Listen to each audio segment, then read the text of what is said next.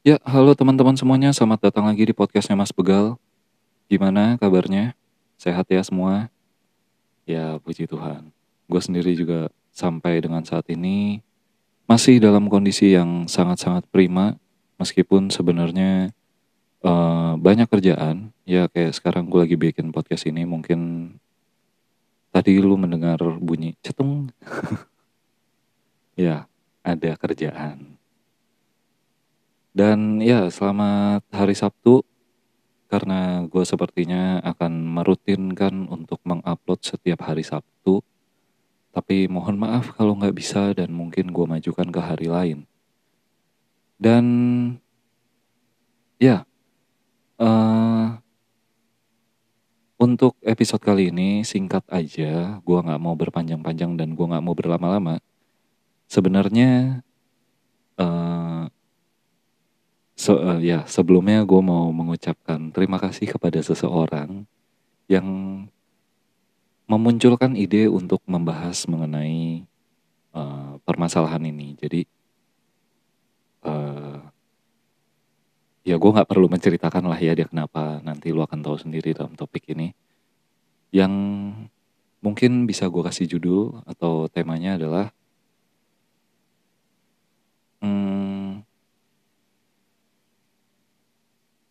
menahan tapi tidak me ya menahan tapi tidak mendendam ya. Ya yeah, I want to thank you for someone out there because ya karena karena orang ini atau karena kamu aku mendapatkan tip apa jadi ada topik ini. Dan Ya, langsung kita mulai aja. Tanpa intro, tanpa basa-basi. Pertama-tama, pernah gak sih kalian menahan sesuatu untuk mungkin emosi, mungkin suatu keinginan, atau mungkin ada hal yang kalian gak suka tapi kalian gak bisa untuk mengungkapkan dan kalian lebih memilih untuk menahan. Uh, pasti ada ya. nggak mungkin nggak ada. Gue sendiri pun ada. Dan gue merasa kayak sometimes gue nggak perlu untuk menceritakan ini ke siapa-siapa. Gue nggak perlu untuk selama gue masih bisa handle dan selama gue masih bisa uh, menahan diri untuk nggak ngomong atau nggak cerita ke siapa-siapa, gue pasti akan berusaha sebisa gue dan ya meskipun pada akhirnya akan ada sesuatu atau akan ada yang mengakibatkan emosi gue meledak karena terlalu banyak menahan diri, karena terlalu banyak menampung emosi yang akhirnya menjadi sebuah apa ya bisa dibilang bom waktu lah Seiring dengan berjalannya waktu, balon yang tadinya kecil lu tiup, lu tiup, lu tiup, lu tiup lama-lama kan akan jadi gede dan kalau lu paksain duar meledak. ya sama dengan emosi kita, kondisi mental kita, mungkin ada yang sabar-sabar banget. Ada yang cuman di ibarat balon nih cuman ditiup sedikit memang karena ukurannya kecil dan karena memang ditiup sedikit jadinya door langsung pecah. Ada yang mungkin balonnya gede. Kapasitas kesabarannya tuh dianggap seperti balon ya. Balonnya gede. Terus ditiup, terus ditiup, terus dan sampai lama baru dia meledak. Nah, sama halnya dengan kita, kita juga pribadi kita juga mungkin ada yang seperti kapasitas balon yang kecil, ada juga mungkin seperti kapasitas balon yang besar. Uh, kalau ditanya bisa nggak sih dari balon yang kecil ini menjadi balon yang besar? Bisa. Ya dilatih, dilatih untuk ya ibaratnya karet yang tadinya ketat kalau ditarik terus menerus secara pelan pelan pelan pelan pelan pelan lama lama kan akan bisa uh, melar ya cuman kan kalau ditarik terus ya lama-lama putus gitu. Tapi kalau ditanya bisa dilatih bisa bisa nggak sih untuk menjadi orang yang lebih sabar? Bisa. Tergantung gimana sudut pandang kita tergantung gimana cara kita melatihnya. Dan tergantung cara kita menghadapinya sebenarnya. Dan uh, di sini gue cuma pengen bilang kalau uh, ditanya terus emang salah gue kalau misalkan memendam sesuatu memendam perasaan gitu atau memendam emosi. Gak salah kok. Siapa yang bilang salah? Hmm? Iya, gue nggak bilang gue nggak bilang itu salah, tapi ada baiknya ketika lu merasa sudah. Kok gue udah nggak kuat ya, kok rasanya gue pengen teriak gitu. Ya, ada baiknya sih ketika lu merasakan hal itu ya coba di uh, apa ya di cari caranya. Salah satunya adalah dengan uh, bercerita menceritakan ke mungkin temen lu atau orang yang lu percaya dalam tanda kutip orang yang lu sayang. Orang yang lu sayang belum tentu pacar ya bisa orang tua. Tapi hmm akan sangat jarang sih ya untuk ngobrol sama orang tua tuh. Pasti kita akan lebih banyak ngobrol ke temen. Ya at least uh, cobalah untuk cerita dan terbuka sama teman karena mau gimana pun sekuat apa pun lu buat gue uh, mental health itu agak perlu diperhatikan ya. Karena dengan lu me, apa namanya menahan-nahan hal-hal seperti itu tuh bisa mengganggu uh, kehidupan sehari-hari yang dalam artian mungkin mengganggu mood lu, mungkin mengganggu aktivitas dan lain sebagainya. Cuman uh, ketika lu bisa mengatasinya, ketika lu coba untuk meredam, ya nggak masalah. Nah sesuai te, uh, sesuai judul yang gua bawakan, mendendam tapi tidak, eh sorry, uh, memendam tapi tidak mendendam. Jadi karena banyak banget gini kejadiannya adalah gue memendam sesuatu yang bikin gue marah sama orang ini yang akhirnya gue bawa dalam kehidupan sehari-hari yang bisa dibilang tuh mendendam. Malah jadinya dendam sama orang ini. Lu nggak suka nih sama dia. Terus ya udah gue sabar-sabarin aja. Ujung-ujungnya malah dendam gitu. Itu yang nggak bagus gitu. Makanya kenapa gue bilang cobalah cari temen. Nggak usah satu frekuensi nggak usah satu uh, apa nggak usah nggak usah yang kayak iya nih orang ini tuh memang begini begini begini begini. Ya itu malah jadinya malah makin ngerusak lu dong. Malah jadi benar-benar bikin lu jadi dendam doang bukan yang nggak bukannya cuma mau mendam doang gitu. Jadi cobalah cari orang yang sekiranya bisa untuk menasehati lu sekiranya bisa untuk menenangkan lu gitu. Uh, dan di situ pun lu juga akan belajar untuk oh iya ternyata memang gue yang salah ternyata memang gue yang terlalu bagaimana, terlalu gimana. Dan mungkin juga ada orang yang ya jujur secara gua pribadi, gua adalah orang yang suka memberi masukan. Sama seperti apa yang gue lakukan sekarang ini, tapi bukan berarti gue mau menasihati semua orang ya. Uh, kadang gue juga memberi masukan tuh singkat kok. Gue memberi masukan tuh nggak yang kayak ke teman gue ya misalkan teman gue datang terus habis gitu uh, ya oh gitu oh uh, ya udah lu kalau gitu gini gini aja udah beres kok udah. Ya itu dia. Gue sendiri juga selalu ngomong sama teman-teman gue ini masukan dari gue kalau misalkan lu mau dengerin ya udah nggak mau dengerin ya nggak apa-apa. Kalau lu mau ikutin lu mau jalanin ya silahkan. Kalau misalkan gagal ya gue kan hanya memberi masukan bukannya gue nggak mau disalahkan ya silahkan salahin gue gue nggak permasalahkan itu untuk disalahkan apa enggak nanti toh nantinya itu jadi pembelajaran buat gue kok. Berarti kan nggak semua orang bisa menerapkan hal yang sama dengan apa yang gue katakan. Intinya sih seperti itu. Jadi eh kalau ditanya terus gimana nih solusinya atau apa? Ya solusinya ketika lu memendam sesuatu marah misalkan kesel terus ada hari-hari lu yang mungkin menyebalkan dan mengakibatkan uh, di hari itu tuh jadi wah kayaknya tuh hektik banget gitu dengan problem lu itu gitu. Misalkan kayak ada satu kejadian. Wah udah nih mood udah mulai jelek nih muncul kejadian-kejadian selanjutnya yang membuat lu yang sebenarnya tuh kejadian itu tuh nggak nggak nggak nggak terlalu gimana banget tapi karena ada kejadian yang awal jadi memicu kejadian-kejadian selanjutnya dan menganggap kayak brengsek nih. Kok hari ini uh, apa namanya kok hari ini kayaknya gue sial banget ya gitu.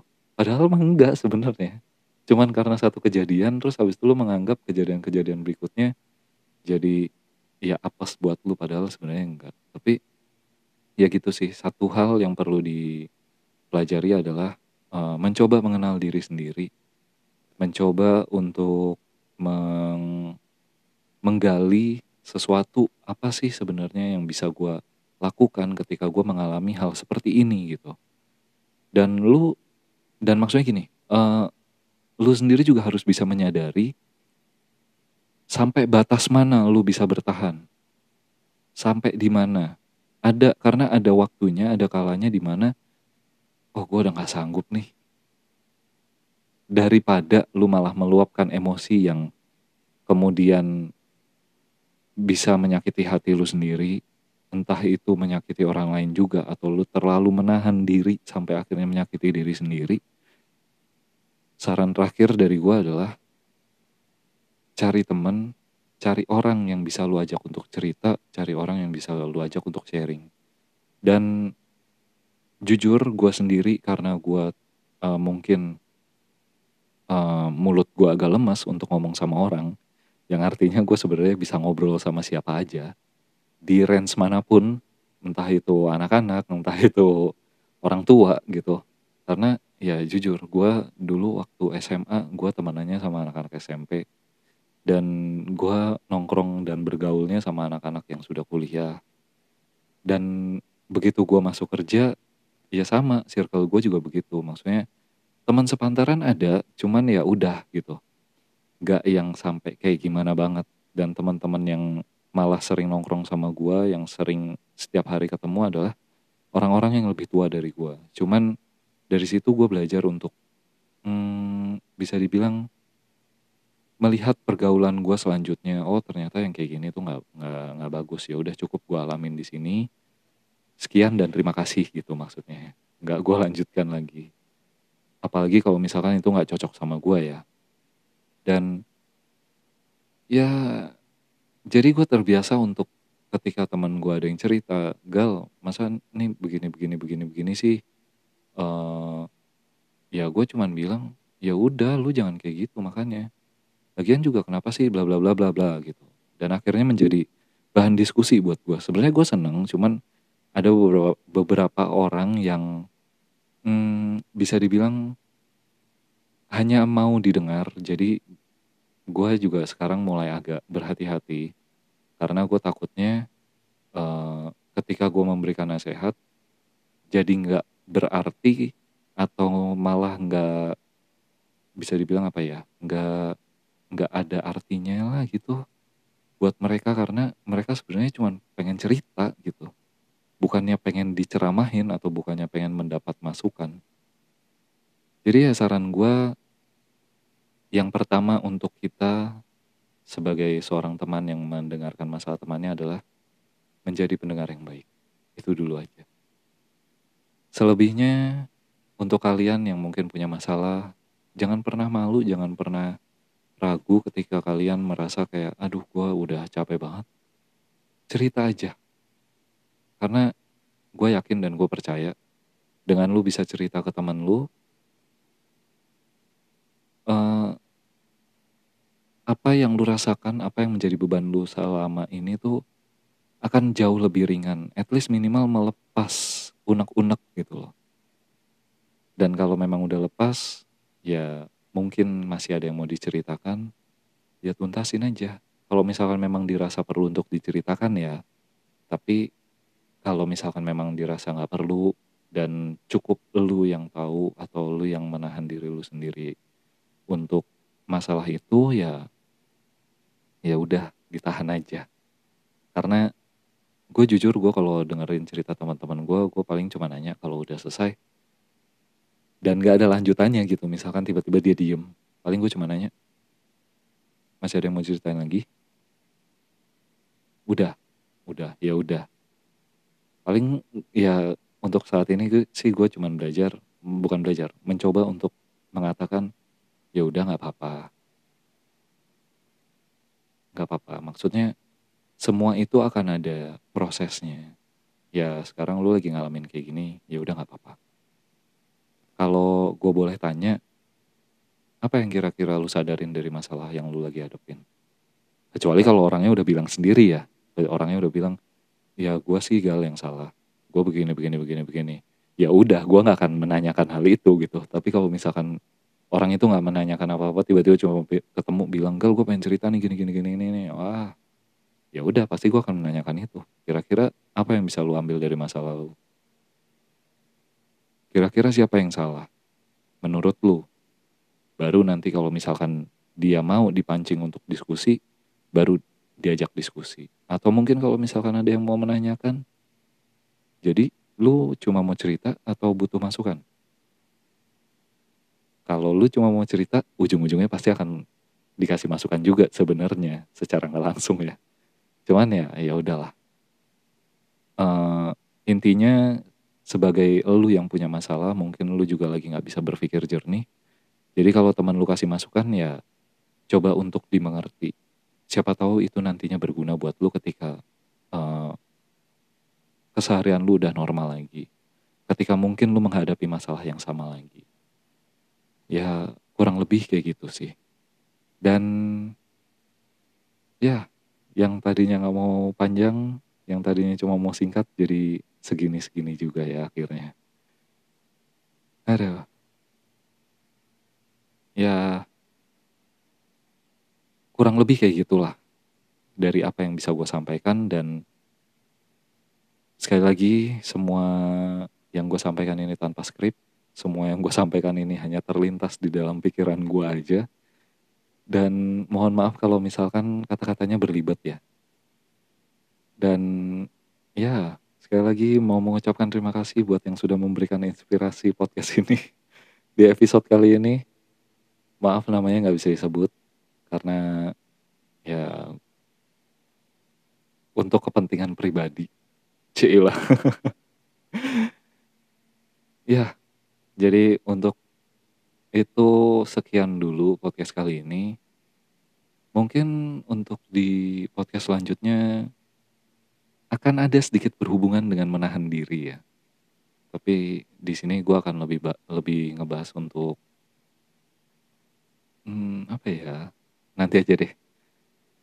Jadi gue juga baru kepikiran pas gue lagi ngomong-ngomongin ini sih.